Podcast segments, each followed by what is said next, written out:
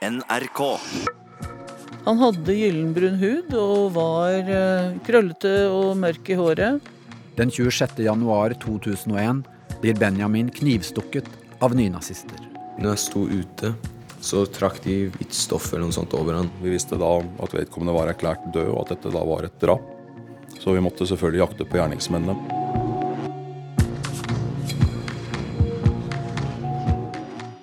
Du hører hele historien fra Radiodukk. Siste del av fortellingen om drapet på Benjamin Hermansen av Sindre Leganger.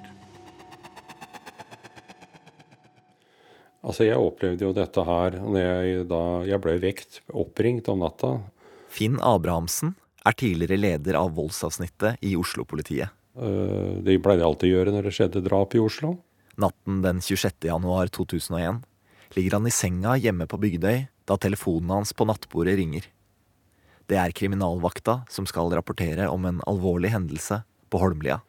Og, og eh, blir liksom helt lys våken, for de forteller jo at dette er en, en eh, farget da, som har blitt stukket ned der ute. Og, og eh, jeg tenkte selvfølgelig mitt at uh, dette her er jo veldig dramatisk hvis det er en gutt som er annen hudfarge, blir angrepet, og, og kanskje pga. sin egen hudfarge. Hva gjør du? Nei, det er bare én ting for meg å gjøre. Det er å reise inn og, og eh, for å varsle de som er sentrale i etterforskningen og osv. Etter hvert så kommer informasjoner inn, og da skjønner vi jo etter hvert at eh, det er nynazister som eh, nå har stått, stå, stå bak dette greiene her.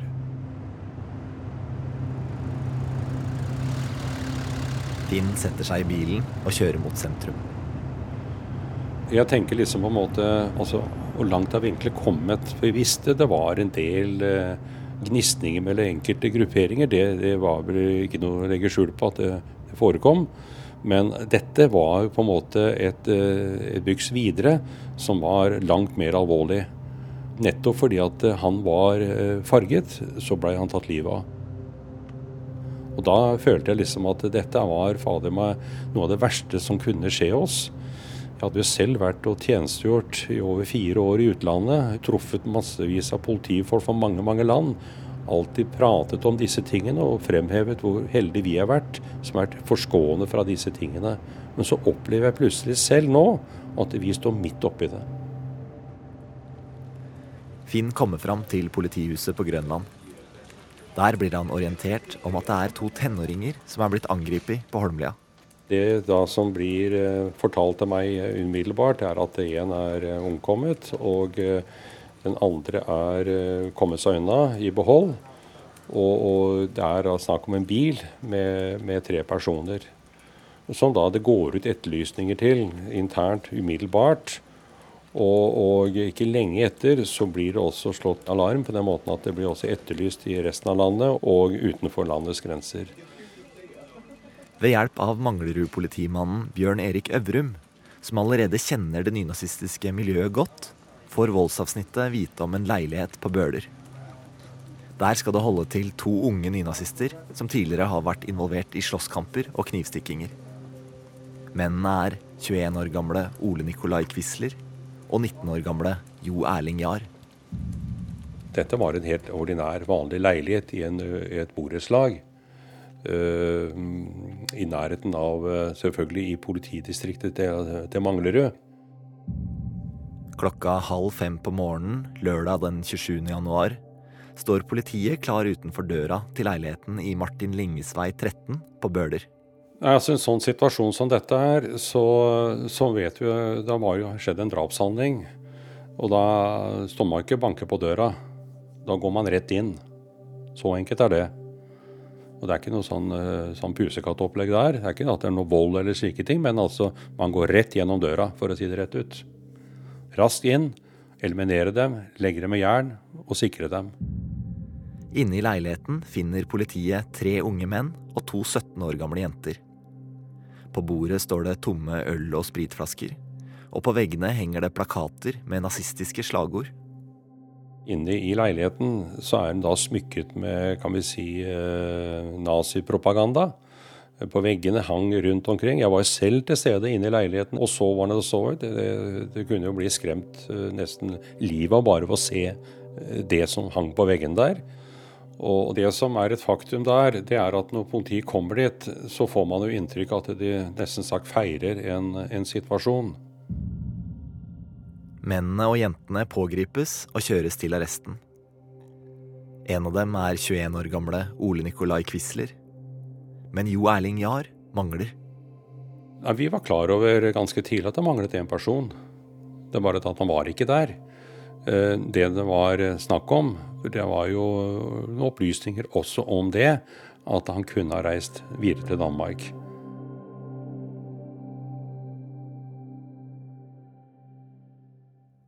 Dagen etter drapet, klokka 18.40 på ettermiddagen, hentes Ole Nikolai Quisler opp til avhørsrommet hos politiet.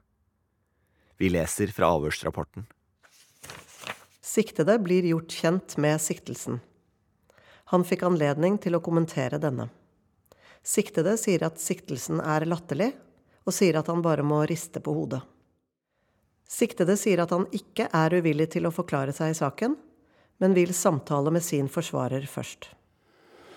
Det som eh, også vi opplevde som, eh, som veldig spesielt, det har jeg aldri opplevd verken før eller siden, det var at vi hadde på det tidspunktet en meget dyktig eh, spesialist som skulle foreta avhøret. Hun hadde da utenlandsk avstamming og en annen farge. Han som skulle avhøres, denne gutt som var tatt inn, skulle avhøres, han sa 'jeg vil faen ikke la meg avhøres av en svarting'. Det var det han skreik. Hun eh, tok dette helt med ro. Gikk ut av avhørsrommet og forklarte situasjonen. Og vi diskuterte hva vi skulle gjøre. Men vi på det tidspunktet vi var enige alle sammen om at vi ville ikke lage noe prestisje i dette. For det, for oss var det viktig å få satt i gang avhørene. To dager etter drapet startes avhøret med Ole Nikolai Quisler. Med en annen etterforsker denne gangen. Han bes om å fortelle fritt hva han gjorde fredag den 26. januar. Quisler begynner med å fortelle om da han sto opp rundt klokka 11. Etter at siktede kom ut i stua igjen, mener siktede at dama hans hadde stått opp. Siktedes dame heter Veronica Andresen. Siktede er usikker på om Veronica heter Andersen, Andresen eller Andreassen. Quislers kjæreste, som han ikke husker etternavnet på, heter Veronica Andreassen. Hun er en av de 17 år gamle jentene som også ble arrestert i leiligheten. Siktede husker at de bare satt og pratet, røyket og så på TV. Ca. klokken 15 kom Jo Erling Jahr hjem fra jobb. Jo Erling gikk med en gang og lagde seg noe mat. Deretter kom han og satte seg sammen med de andre. Utpå kvelden får de flere venner på besøk. Gjestene har med seg vin, øl og sprit. Quisler forteller at han åpner en øl og tar seg en dusj. Jo Erling og Veronica drikker ikke den kvelden. Ca. en halvtime etter at siktede hadde kommet ut av dusjen, spurte han om det var noen som ville være med på en kjøretur. Veronica og Jo ville være med på en kjøretur. Quisler forteller at etter at de har kjørt en runde på østkanten, drar de oppover mot rundkjøringa på Åsbråten på Holmlia. Idet han kom opp der hvor bussen stopper, så han innvandrere. Siktede og Jo Erling bestemte seg for å jage de litt. Quisler kjører inn foran butikken og stanser bilen. Han og Jo Erling går ut, mens Veronica blir sittende igjen. De begynner å løpe mot guttene, og Benjamin presses inn i et hjørne mellom husveggen og gjerdet. Quisler forteller at idet han er på vei mot gutten, hopper Benjamin over gjerdet. Quisler snur og løper tilbake mot bilen, men ser samtidig Jo Erling Jahr hoppe etter. Idet siktede hadde kommet tilbake til bilen, snudde han seg og så Jo Erling stå over innvandreren. Innvandreren som hadde hoppet over gjerdet, lå på bakken. Overkroppen var halvveis oppreist, mens han støttet seg med strake armer. Siktede så videre at Jo Erling dro frem en kniv og begynte å stikke innvandreren. Siktede skrek at han skulle drite i det og komme seg i bilen. Jo Erling hørte ikke på siktede, han bare fortsatte. Quisler setter seg inn i bilen og rygger tilbake til der Benjamin ligger. Der hopper Jo Erling Jahr inn i baksetet. Med en gang Jo Erling hoppet inn i bilen, kjørte siktede vekk fra stedet. Han så da at den som hadde blitt knivstukket, reiste seg og løp av gårde.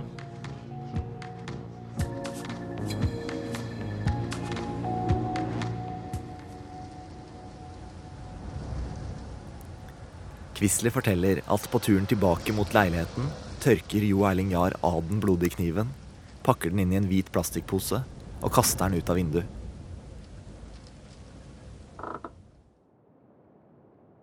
Quisler parkerer bilen ved Rusta skole, og sammen går de tre tilbake til leiligheten der vennene deres fortsatt fester. Idet de kom inn i leiligheten, satt fortsatt alle i stuen. Siktede, Veronica og Jo Erling snakket med de andre om hva som hadde skjedd. Samtidig så Jo Erling på tekst-TV. Han ville se om det kom på TV, det han hadde gjort. Han liker å se om det han har gjort, kommer på TV. Det sto ikke noe på TV. De fortsatte derfor å prate. Siktede begynte også å drikke litt. Han drakk sprit. Etter hvert som de ikke så noe på tekst-TV, begynte de å prate om alt og ingenting. De snakket om musikk, klær, konserter og alt mulig. Klokken begynte å nærme seg halv ett-ett, og Jo Erling kikket på nytt på tekst-TV. På NRK1 så de at den personen som Jo Erling hadde stukket ned, hadde dødd. Det sto 'Knivdrap på Holmlia' på rulleteksten på skjermbildet. Jo Erling fikk grisenoia. Siktede ble forskrekket og tenkte 'jøss, han har drept en kar'. Samtidig syntes han det var rart, dette fordi han hadde sett at personen som ble knivstukket, hadde løpt fra stedet. Jo Erling ble ganske redd, så han stakk. Siktede gikk rundt i leiligheten og tenkte på det som hadde skjedd. Etter hvert gikk han og la seg. Veronica lå ved siden av siktede og sov. Han lukket øynene og sovnet. Han ble vekket ca. klokken halv fem av at det var noen utenfor døra som skrek at de var politi. Kort tid etter at det ble ropt, smalt døra. Det tok ca. ti sekunder før det sto bevæpnet politi inne i rommet til siktede. I avhørene sine sier Quisler at han aldri var i kontakt med Benjamin, og sånn sett ikke har noen direkte skyld i drapet. Jeg mener at Quisler var ikke den som fortalte at han hadde gjort det. Eh, det var det ikke. Det er nemlig I første avhørene så er det jo ofte sånn at eh, man, eh, det sitter jo litt langt inne og forteller om disse tingene. Og, og det var liksom på en måte dytta på han Jar, dette her, da. Men Quislers kjæreste 17 år gamle Veronica Andreassen har en litt annen historie. I det første avhøret sitt lyver hun og sier at hun var i leiligheten hele kvelden og ikke vet noen ting om drapet. Men dagen etter begynner hun å fortelle politiet om det hun har opplevd. Ifølge Veronica skal også Ole Nikolai Quisler ha fått tak i en av ungdommene og slått og sparket ham. Vi leser fra avhøret hennes. Siktede gjentar at hun er sikker på at hun så at Nico slo og sparket noen. Veronica får vite av politiet at Benjamins kamerat Hadi forteller at verken Quisler eller Jar fikk tak i han. På spørsmål om hvem hun så at Nico sparket, svarte hun nå at da må det ha vært Benjamin. Siktede ble spurt om hun kunne beskrive Jo Erling. Han er gal. Har han satt seg et mål, så skal han gjennomføre det, liksom. Han har sagt at han skulle bli drapsmann, men det trodde ikke siktede noe på. Videre sa hun men det klarte han jo å bli. Veronica forteller at da de kom hjem fra bilturen, var det hun som satte på tekst-TV. Siktede tok deretter på NRK og så at det på tekst-TV side 125 sto at det var en 15 år gammel gutt fra Holmlia som var drept. Siktede kikket da på Jo Erling og sa 'Du har drept gutten'. Jo Erling Jahr ble stille og sa plutselig 'Nå kan jeg gå med røde lisser i bootsa'. Deretter lo han. Videre sa han at 'da blir jeg den første som går med røde lisser'. Siktede spurte da om det var det eneste Jo Erling tenkte på. Jo Erling sa ikke så mye mer. Han gikk deretter inn på rommet sitt for å pakke. Han sa han måtte vekk. Det kom fram opplysninger om at han hadde stukket fra stedet, for det skjønte vi jo, for han var jo ikke der. Og du kan si at Man må alltid spørre seg selv hva er grunnen til at han stikker, og ikke de andre. De andre stikker tilbake til leiligheten. Og så er det han da som eh, blir borte. Det er jo ikke, det er ikke, det er ikke forbud å stikke ut av landet, sånn sett. Men eh, det gir en altså en større utfordring til politiet. Eh, og, og når man har folk på rømmen, så er det alltid krevende. Og det var særlig fordi at det var kjempepress utenfra å få tatt den tredje personen, altså. Og det er det i sånne alvorlige saker, så er det et eh, forferdelig maraton. Og, og eh, et stress, fordi at eh, det henger jo på på utsiden mennesker som vil vite hva gjør dere, hva gjør dere ikke, og så er med det andre. Og, og det krever jo sitt for å få tatt dem.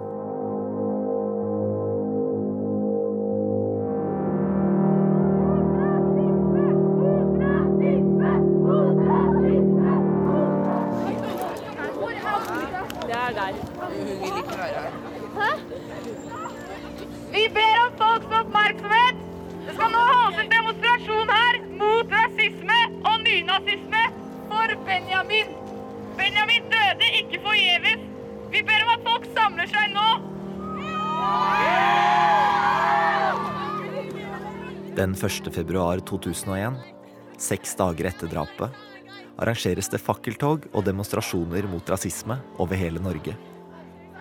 I Oslo møter det opp over 40 000 mennesker på Jungstorget.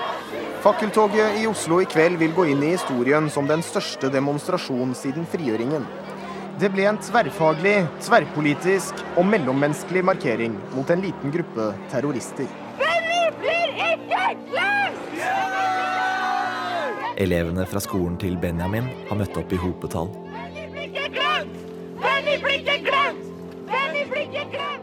Jeg husker at vi, vi står på Holmnes stasjon og skal ta toget inn til byen. Og det er helt fullt på togstasjonen. Og alle skulle på, på det. Det er helt stappfullt tog. Benjamins venninne Haddy Sunko var på vei mot sentrum. Du ser alt fra naboer, du ser eh, all, all, slags mulige mennesker, store, små. Alle skulle inn til byen for å, for å være med på, på, det. Alle som bryr seg om Benjamin-saken, hør etter! Alle som føler seg provosert av nynazistene, hør etter! Alle som vil være med og sette en stopper for dette, vær så snill og hør etter! For det er nemlig du som ungdom som kan gjøre de sanne forandringene i samfunnet. For det er vi de unge, den neste generasjonen, som må gjøre noe. For vi kan ikke svikte hverandre. Vi skal holde sammen.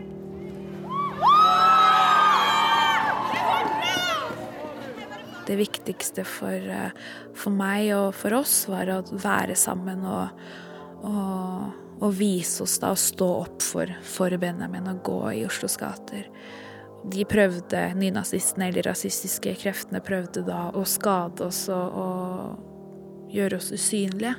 Så derfor skulle vi gjøre oss synlige da, ved å, ved å gå i toget og hedre vennen vår.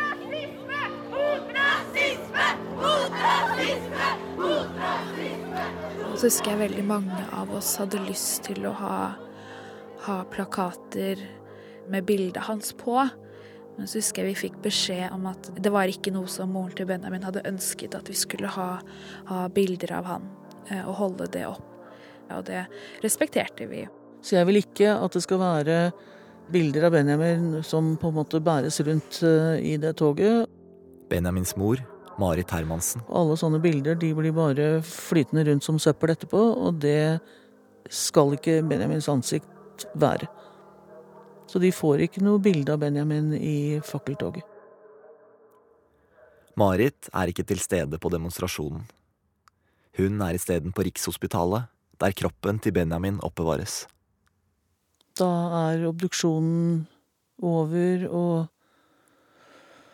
Og jeg kan um, være der og stelle han og ha på han de klærne han skal ha på seg i begravelsen sin. Så for meg er det jo helt uh, Altså, jeg får jo med meg at dette store fakkeltoget er, men uh, det har på en måte ingenting med meg å gjøre der og da. Eh, så er det jo en begravelse som skal eh, arrangeres. Den 6. februar skal Benjamin begraves fra Holmlia kirke. Jeg sitter helt langt frem på høyre side i kirka med familien min og de aller nærmeste eh, rundt meg. Og det var veldig, veldig, veldig, veldig mange mennesker der. Og mange Jeg husker, det, jeg husker at noen gråt veldig høyt. Altså det var sånn høy gråtelyd. Eh, Jeg gråt ikke da, der. Og jeg tror jeg bare var helt eh, Men er bare mm, går litt sånn på automatikk da.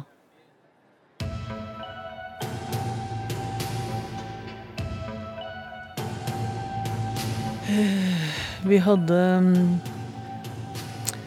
Mikael Wie. Mikael Wie har en fantastisk vakker sang eh, som også jeg spilte i mannen min sin begravelse.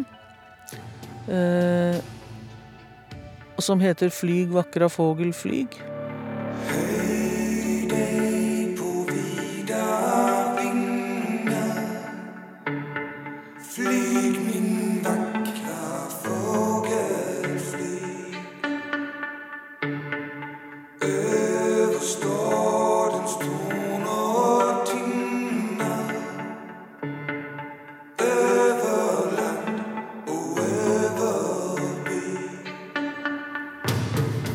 Og, mener, og det var jo også sånn at det offentlige Norge ville være med. ikke sant? Altså Vi fikk forespørsler fra statsministerens kontor.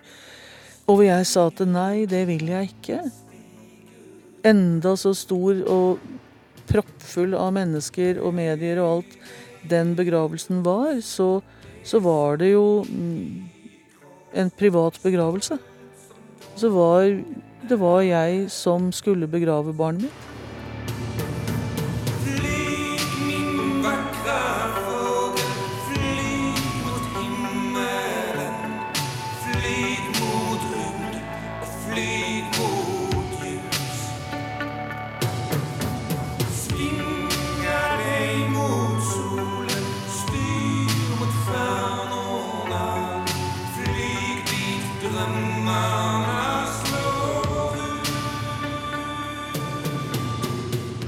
Så er det to av Benjamins lærere og noen av kameratene hans, de som bærer kista ut av kirka. Og så har vi én stor bil som vi alle kan sette oss inn i og kjøre og senke Benjamin ned i jorda på kirkegården.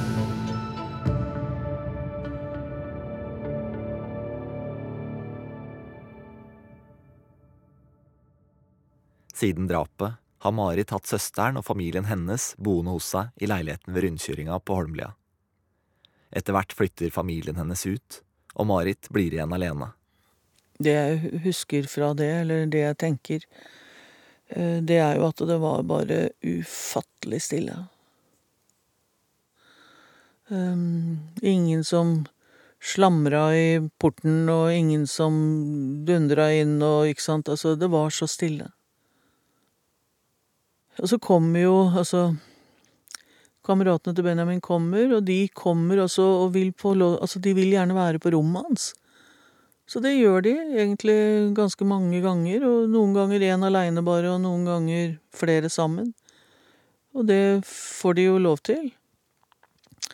Og de er mye hos meg, altså. De kommer mye. Eh, og jeg Den derre opplevelsen av å ha sånne svære joggesko i gangen, ikke sant, altså den De på en måte sørger for at den fortsetter en stund, da. De eh, Og det er eh, Det er både kjempevondt og godt. Så det gode er jo at det gir en slags sånn følelse av Benjamin igjen. Eh, Og det vonde er jo at det er jo Det er jo ikke sant. Det er jo ikke sånn. Han er jo død. Og vi gråter da mye egentlig sammen, de der gutta og jeg, altså vi gjør det. Og snakker og snakker og snakker, selvfølgelig. Og de er sinte, og de er eh, kjempetriste og veldig forvirra, ikke sant? Og så tenker jeg sånn at det, Du kan jo ikke kalle akkurat de som gjorde det, og sånn, de som gjorde det her og har sånn tankegang for mennesker. Det går jo ikke. Benjamins bestekamerat, 16 år gamle Hadi, fra intervjuet som ble gjort bare noen uker etter at drapet skjedde. Det er så dumt at eh, de greier Hvis du greier å ta livet av en 15-åring helt uten grunn, bare fordi han er en annerledes hudfarge, skal du ha liv i deg og ikke han? Hvorfor det, liksom? Og du skal gå og ta det rolig i fengsel? Åh. Men det de ikke spør seg selv om, er at eh, hvis du ikke hadde visst hva svart var, åssen hadde du visst at du er hvit? Ikke sant? Det er det ikke de tenker over i hele tatt. Bare at de veit at nei, vi er hvite og vi er bedre enn alle andre raser. Så det er eh, Men nå, nå tør jeg ikke å gå ut. Og, og hvis jeg, går ut, det er liksom en det er slags tortur for foreldrene mine også. For at eh, jeg går ut. De veit ikke hva som skal skje, når det skal skje, hvor det skal skje. Og de har liksom helt sånne tanker, sånne tanker helt til jeg kommer hjem. Og da er de liksom trygge. Her er NRK Dagsnytt, det er midnatt. 19 år gamle Jo Erling Jahr, som er mistenkt for drapet på den norsk-afrikanske 15-åringen Benjamin Hermansen, skal være pågrepet av politiet i København. Den 1. februar, samme kveld som fakkeltoget arrangeres, blir Jo Erling Jahr pågrepet i Danmark. Han ble pågrepet av Københavnspolitiet klokken 20.15 i kveld, etter at to billettkontrollører fattet mistanke til ham da de knep ham i å reise uten billett på et forstadstog. Jahr blir raskt utlevert til norsk politi. Drap skjer støtt og stadig, eh, dessverre. Så gjør det det. Og det er fort gjort å komme i sånne situasjoner. Dette er Jo Erling Jahr fra et intervju med NRK Brennpunkt mens han er i fengsel et drøyt år etter drapet. Først nekta han å forklare seg til politiet, men til slutt gjorde han ett avhør. Der sa han at han falt og knivstakk Benjamin ved et uhell. Eh, Når jeg tenker på de som marsjerte oppover Karahan, 45 000 mennesker. Eh, Det var eh, Hvis jeg hadde vist meg der, jeg tror jeg hadde blitt eh, lynsja, rett og slett. Jeg tror jeg hadde blitt hengt i en lyktestolpe. Det tror jeg seriøst. I NRK-intervjuet forteller Jo Erling Jahr at han satt i Danmark og så fakkeltoget på TV. Når jeg liksom satt der og så det på TV og tenkte at fy faen, det er jeg er grunnen til at den går, da Jeg har ikke opplevd noe sånt noe før så Jeg veit liksom ikke hvordan man skal reagere og hva man skal tenke. Jeg prøver å ta det så rolig som jeg kan, da, men det er jo klart at eh, jeg er fullstendig i opprør innvendig, jeg også. Og klart, når jeg så det, så var jeg også på rømmen. og da var jeg jo veldig paranoid, for å si det sånn. Eh, politimenn overalt og potensielt fare på hvert hjørne. Og når jeg samtidig satt og så på dette her, da, så eh, fulgte med på det der, da Det meste inni meg var at jeg var bare sliten, rett og slett. At jeg følte meg sliten. Og det gjør jeg fremdeles. Det var som om ti år plutselig gikk. At jeg liksom blei mye eldre, bare sånn. I intervjuet forteller Jo Erling Jahr om oppveksten sin på Bøler. Han beskriver moren sin som sosial klient, og at han og storebroren stort sett måtte klare seg aleine. Jahr sleit på skolen og fant seg ikke til rette. Som 14-åring ble han banka opp på T-banen av en gjeng utenlandske ungdommer. Faen skal jeg prøve for noe? Hvem er det jeg skal gå til? Jeg trenger beskyttelse. Jeg trenger noen som jeg kan stole på, som kan stille opp for meg. Og der var de. Han her skal vi stille opp for, og han har problemer, og Jeg setter pris på at de stilte opp for meg. Det mener jeg rett ut. Og ingen andre som stilte opp for meg. Selv om de er de høyreekstreme som de var, så setter jeg pris på det. For det, Politiet gjorde ingenting. Når folk plutselig begynte å kalle meg for ja, Folk på skolen kanskje kalte meg for jævla nazi og sånn. Da til slutt så blei det sånn at jeg bare aksepterte at jeg blei kalt for det, liksom. Så blei det glidd mer og mer inn i det høyreekstreme miljøet etter det. Hva gjorde det med deg at du var oppe i den slåsskampen med de afrikanerne? Det gjorde at jeg fikk noe innmari angst mot utlendinger. Frykt. Fremmedfrykt. Det er jo det er jo det det er. Man blir redd for andre mennesker. Og det skapte jo en hat da, mot dem. Det er som at man får lyst til å krige, for å si det sånn. Man får lyst til å virkelig slå noen. Virkelig gi mennesker juling. Det er, det er det sånn hatet var for meg, i hvert fall. Så. Jeg, altså, jeg var sånn som ikke ville helst ikke ville sitte ved siden av dem på bussen engang. Jeg, jeg, reagerte veldig mye mer på det. Så, så, så, så utlendinger overalt da, liksom, og blei ja, en slags paranoia.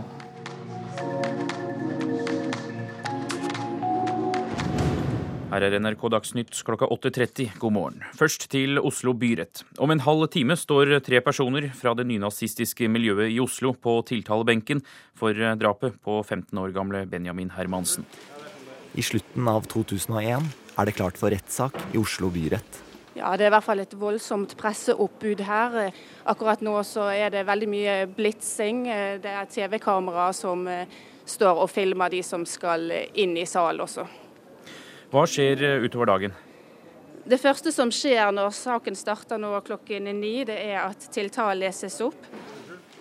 Det er eh, drapstiltale under særdeles skjerpende omstendigheter. Tidligere statsadvokat Berit Sagfossen er aktor under rettssaken. Uprovosert og rasistisk motivert mot eh, Jahr og Quisler. Og så var det legemsbeskadigelse med døden til følge for eh, den unge jenta. De tre tiltalte har alle erklært seg som ikke straffeskyldige. Det blir Berits jobb å bevise at Jahr og Quisler har drept Benjamin, mens Veronica Andreassen har medvirka til drapet. Benjamin han var så ung. Han eh, hadde bare tilfeldigvis eh, stått ute. Og blir bare fordi han, eh, han er den han er, med sin opprinnelse, så, så blir han plukket ut, og så blir han eh, drept eh, fulls... Altså, det var jo Ja, det er en forferdelig sak, rett og slett.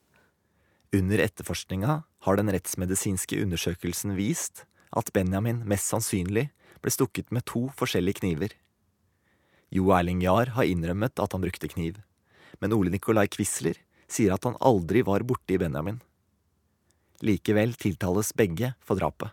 Det kom tidlig fram under etterforskningen at, eh, at Jahr, som da rømte landet, han eh, hadde påtatt seg det eh, i egen regi, eller i hvert fall var det en avtale dem imellom at det var han som skulle ta på seg ansvaret for ugjerningen.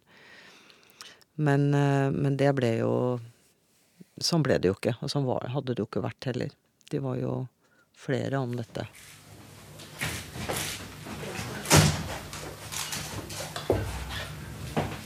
Retten er satt. Inne i rettssalen sitter de tiltalte langs den ene veggen, mens aktor Berit Sagfossen sitter langs den andre. Mellom dem står vitneboksen, og bak aktor sitter Benjamins mor. Det er en eh, mor som skal sitte tett ved, egentlig, sånn at man får på en måte mm, sorg og sånn tett på. Eh, Den som på en måte er drept, er jo den som syns minst i, i rettssaken. Benjamins mor, Marit. Han hører på en måte nesten ikke til der. Det er eh, de tiltalte, og det er alle vitnene, og det er alle de andre som får plass. Benjamin, som var den som var drept, han var egentlig nesten helt usynlig. Jeg var på en måte Benjamins eh, ansikt. Enda så ulikt der, så var det jo det jeg var. Jeg var der alle dagene. Eh, grudde meg sinnssykt til å være der. Eh, men visste at jeg hadde ikke noe valg annet enn at jeg ville være der. Og jeg satt der hver dag i alle de ukene vi holdt på, og viste at Benjamin var en del av en større sammenheng. Eh, at han hadde en mamma som elska han, han hadde tanter og onkler og kusiner og alle de som på en måte hadde vært en del av livet hans, de var der, de også. Hvordan opplevde du å møte Jahr og Quisler? Altså Jeg ville bare ha dem dømt, og de fremstår jo veldig forskjellige. Quisler er svære svær og brautete, og Jar er jo nærmest bare et krek. Altså krumbøyd, jevnt, uslig. De viker jo med blikket, de tør ikke, de ser en annen vei, de later som at eh, Ikke sant, det Ja. Ynkelige krek. Og det blir jo tatt veldig hensyn til dem hele tiden. Jeg synes, tror nesten jeg syns det er verre enn, fakt enn det faktiske møtet med dem. Dette med om de orker mer, klarer du dette, kan du svare på Nei, du husker ikke helt, uff ja, men da syns jeg du, nå må du få sette deg, vi må ta en pause. Ja, så jeg blir sint ja, når jeg tenker på det, og jeg ble sint da når jeg opplevde at det var sånn.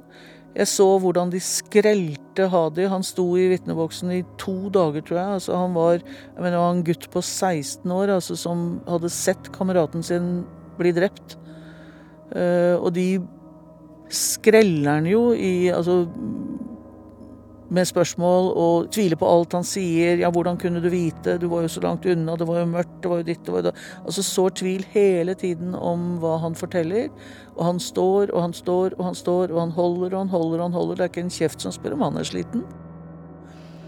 Mens disse to, som uh, faktisk har tatt livet av et annet menneske, mitt barn, de skal på en måte vises all mulig omsorg. Eh, han hadde hatt en så vanskelig barndom og oppvekst og ditt, ba, ba, ba, ba. Derfor så var det liksom nærmest Det var ikke så rart at han gikk ut og drepte noen. Jeg tenker, kjære vene, altså hvis alle som har hatt en krevende oppvekst skal bli drapsmenn, så da blir vi mange drapsmenn, for å si det sånn.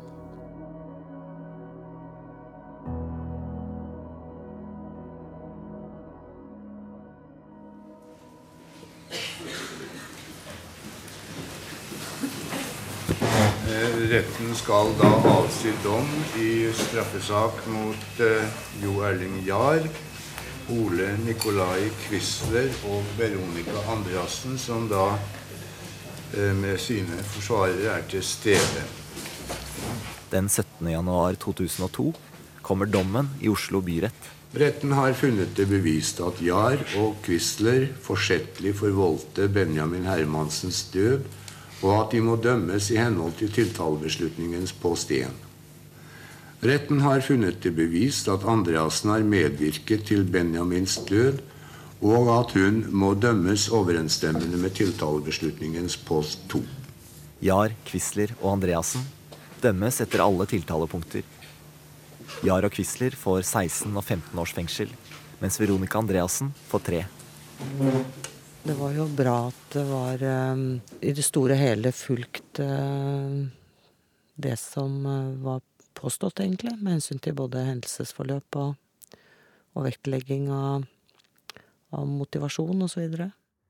Yara Quisler bestemmer seg for å anke dommene til lagmannsretten. Og det gjør aktor Berit Sagfossen også, fordi hun mener straffene deres er for lave. Så kom det avgjørelse hvor uh, utfallet ble veldig likt. Det ble dømt tilsvarende som i tingretten, men straffen gikk litt opp. Det står for lagmannsretten helt klart at årsaken til at Benjamin Hermansen ble forfulgt, angrepet og drept, alene var hans hudfarve. I lagmannsretten skjerpes dommene mot Jar og Quisler til 18 og 17 år. Da er vi ferdig med saken, og retten er hevet.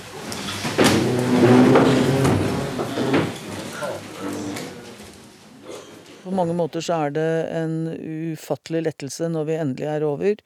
Og det er jo først da jeg kan begynne å tenke på å gå tilbake på jobben min. Før Benjamin ble drept, jobba Marit som barneskolelærer. Siden drapet har hun vært sykemeldt og i permisjon. Men, så det er jo en økonomisk eh, kjempekneik. Og, og livet er jo Altså, mitt liv er jo knust.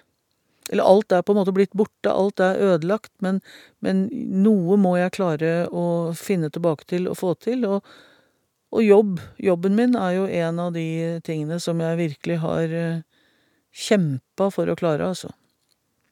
Og som jeg jo for så vidt har klart, da. Etter hvert.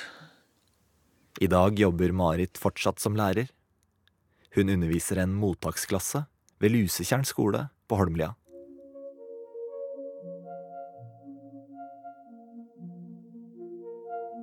Under arbeidet med denne serien har jeg vært i kontakt med Veronica Andreassen, Ole Nikolai Quisler og Jo Erling Jahr.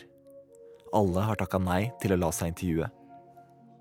I dag er de ferdige med å sone dommene sine. Etter å ha blitt løslatt ble Ole Nikolai Quisler observert på en samling til den nynazistiske organisasjonen Den nordiske motstandsbevegelsen i Sverige. Veronica Andreassen og Jo Erling Jahr har tatt avstand fra det gamle miljøet sitt. I en e-post skriver Jahr at ingenting kan unnskylde det han gjorde. Jeg vil også si at jeg er lei meg for det jeg var med på og mine handlinger. Min unnskyldning er vel ikke særlig ettertraktet, men jeg vil si til pårørende, Benjamins venn og nærmiljøet på Holmlia som ble berørt. Det var ingen grunn som rettferdiggjør den sorgen og smerten som jeg ga dere. Jeg er veldig lei meg for det. Unnskyldninger finnes ikke, men det er grunner til at jeg ble den mannen jeg var som ung voksen. Mine grunner rettferdiggjør ingenting, men selv ikke jeg var født ond. Mitt nye liv inkluderer ikke hat mot mennesker eller meg selv lenger. Jeg søker indre ro i naturen, og jeg vet at jeg kom ikke ut som et nytt menneske, men som en forandret mann fordi jeg ønsket det selv, og fikk dermed hjelp av enkelte fengselsbetjenter til å bli voksen.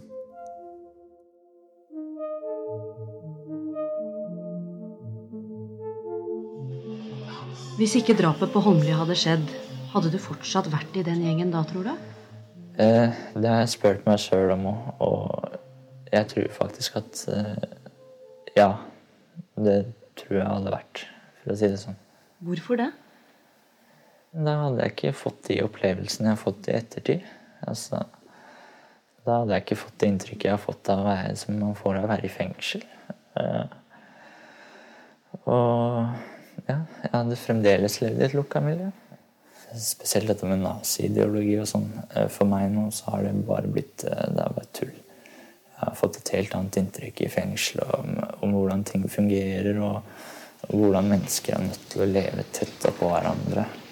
Altså, jeg har jo prata med mange innvandrere, og de begynte å prate om hva de selv hadde opplevd. og det er Blant annet eh, spesielt mennesker som har F.eks. fra Albania, da, som har opplevd krigen og sånn. Og når de begynner å fortelle hvordan de har hatt det der nede, og samtidig begynner å spørre meg om eh, hva mitt hat kom av, og hvordan jeg endte opp på den veien Jeg veit ikke hva jeg skal svare på det. Jeg kan ikke stille opp mot det. Det går dårlig.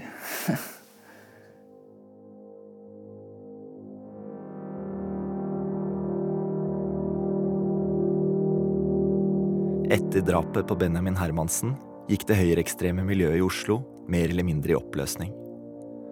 Saken fikk enorm medieoppmerksomhet, både i Norge og utlandet. I omslaget til albumet Invincible fra 2001 hedra Michael Jackson Benjamin. Han dediserte albumet til Benjamin og skrev May we continue to remember not to judge a man by the color of his skin, but the content of his character. Benjamin, we love you. May you rest in peace. Drapet førte til at politiet satte inn mer ressurser for å bekjempe det nynazistiske miljøet. Samtidig ville ikke ungdommer la seg rekruttere lenger. Tidligere leder av voldsavsnittet, Finn Abrahamsen. Den natta så mistet eh, Norge jeg har brukt å si litt av dyden sin, fordi at eh, da fikk vi det første rasistiske drapet i Norge i nyere tid. I dag mener PST at det høyreekstreme miljøet er i ferd med å komme tilbake. Vi må ikke gi opp, vi må bare kjempe videre og, og satse på at vi får holde den nynazistiske delen tilbake. Vi må fortsatt kjempe hele tida for å få det vekk. Jeg tror at det koker ned til at uh, vi får, uh, får, færre slike hendelser som dette her, hvis uh, vi klarer å sørge for at, at alle mennesker opplever, opplever, mestring og har det bra. Politimann Bjørn Erik Øvrum. Da, da, vil de ikke søke seg mot destruktive subkulturer. Hvor det er gruppepress kanskje og, og gruppeprosesser som gjør kanskje at folk etter hvert gjør drastiske ting som de kanskje ellers ikke ville gjort. Altså det beste vi kan gjøre som samfunn, er å sørge for at ungdommen har, har et positiv tro på framtiden.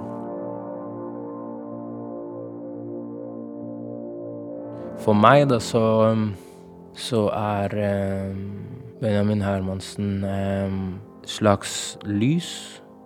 Musiker Arif Salum. For den, den kampen er evig. Den kampen mot rasisme, mot nazister, mot fascisme. Er, den kampen er aldri over. Eh, ikke for meg. Og Benjamin Hermansen er min, min uh, shining star, liksom. Sånn at uh, Aldri glem at du må, du må stå opp mot urettferdighet og si din mening. Og om du blir hata for det, så er det helt ok. Jeg vil jo at han skal bli huska som den fantastiske gutten han var. Um, Blid og glad og morsom og midt i flokken med alle de han var sammen med. Benjamins mor, Marit. Men jeg vil jo òg at han skal bli huska fordi han ble utsatt for det forferdeligste av det forferdelige. At han ble drept av noen som syns at han ikke hørte til fordi han var brun i huden. Det Jeg vil jo at han skal huskes for det også. Men aller mest så vil jeg jo egentlig Jeg, mammaen til Benjamin, vil jo at han skal huskes som den flotte gutten han var.